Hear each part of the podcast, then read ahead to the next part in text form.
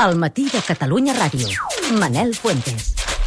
I amb la presència dels alumnes de segon d'ESO del Liceu Francès de Barcelona, rebem el Mario Serra, que ens porta tres llibres fantàstics. Bon dia, bon jugo. podríem Aplaudiments, aplaudiments amb una secció de llibres. Això Sí, sí, han aplaudit eh? els tres llibres de cop, a més. Molt bé. I uh, algun d'ells jo crec que els convindrà de llegir-lo. Eh? Mhm.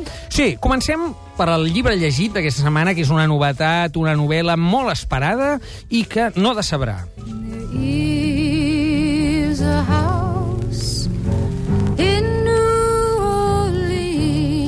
És The House of Rising Sun, no canviada o abaixada de revolucions, sinó que la canta Joan Baez. És, era la Joan Baez que ha decidit fer-ho tranquil·lament, Sí. diguem. Això és per il·lustrar, perquè també de ritme, diguem, li va bé, La casa cantonera, de la Sílvia Alcántara.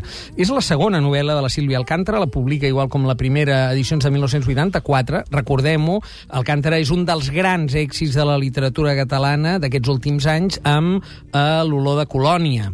Aquesta segona novel·la és molt més breu que l'olor de colònia, confirma la seva habilitat sobretot per generar novel·la de personatges. Eh, bé, és una novel·la de 140 pàgines, d'aquestes de lectura d'una tirada, amb un ritme, diguem, notable, però que no es basa només en la base argumental.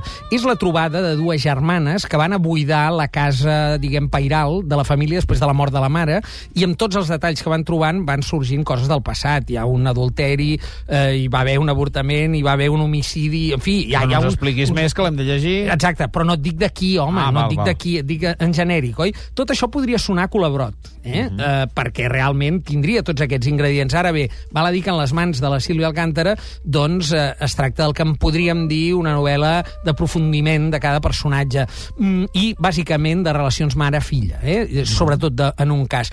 En definitiva, a qui li va agradar l'olor de colònia trobarà els mateixos ingredients, però aquí sense cap importància de l'entorn. Allà hi havia una colònia tèxtil, que era una gran novetat. Aquí sí que hi ha la casa pairal, però eh, l'Alcàntara se centra en els personatges i prescindeix, tant li fa la vida del poble, tant li fa... Sabem que és, això passa pels anys 50, per alguna referència, diguem, però eh, és igual. Eh, tot és, fonamentalment, de cara a barraca, les relacions emocionals d'aquests personatges Tres L's i mots clau. família, per tant, secrets, secrets de família, lògicament, sentiments, traïció, infelicitat. Merda de muntanya, no pudor. Home, aquesta sí una mica, no? Aquesta ja canvia, diguem. Aquesta tenim la merda de la muntanya, que diu en Quimi Portet. Això és per il·lustrar L'home de Tor.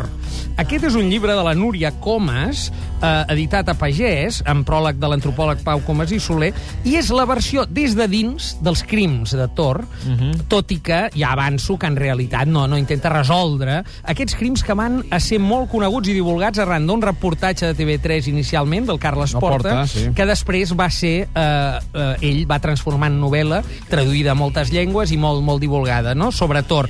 La Núria Comas hi viu i hi treballa, de fet treballa amb cavalls, amb turisme rural, i des de dins va arribar a tenir contacte amb un dels personatges clau d'aquella història, el Palanca que és un personatge notable i, en fi, eh, dins de la, la disputa de les cases dels vells de Tor. Llavors, a partir d'un seguit d'entrevistes, els documenta. És un llibre documentat amb moltes fotografies eh, i també doncs, amb una visió diferent de la que podia tenir un periodista que arriba de fora, eh, s'ho mira i en fa relat. Eh, però, insisteixo, no es tracta de desvelar cap secret que no se sabés, eh, però en canvi té un interès clar sobre la vida al Pallars eh, vista amb ulls contemporanis, però bé, és un món en el qual la roda, eh, tal com diuen en el pròleg, impressiona bastant, diu, quan l'home arribava a la Lluna, a molts pobles de l'Alt Pirineu, i començava a arribar la roda. Dius, noi, eh, és un altre món, eh? És en aquest, però és un altre món. Mots clau? Aquí tenim clarament muntanya, també Tor, frontera, els Pallars, cavalls i palanca, diguem, i com a referència al Tor del Carles Porta.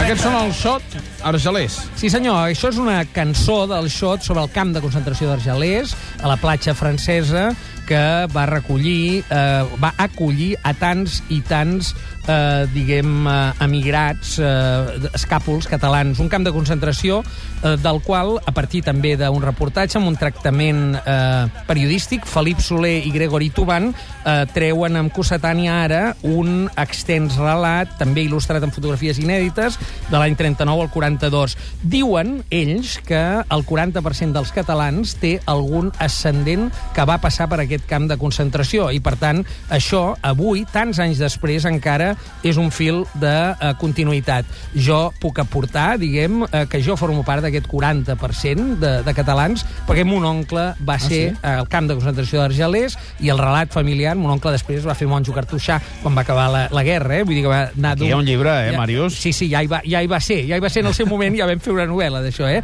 però eh, realment el relat que jo havia sentit sempre d'aquest eh, camp era esfereïdor, era la sorra, com es veu aquí, i uns filats, i ell sempre explicava d'un company que cada matí l'havien d'anar a replegar mar endins perquè agafava les maletes i se n'anava mar endins per tornar a casa, no? I cada dia el anaven arreplegant fins que va haver un dia que ja no el van arreplegar i ja eh, senzillament se'l van passar al mar. És un d'aquells llibres que recupera episodis de la història molt colpidors, que pot eh, arribar a molta gent i que està fet amb un treball periodístic i de documentació notable, per tant, el recomanem fervorosament. Felip Soler i Gregori Tuban, Camp d'Argelers, 1939-1942, Cossetània. Fins la setmana entrant. Vinga, a reveure. Saps que avui juga el Barça contra l'Arsenal, no? Certament.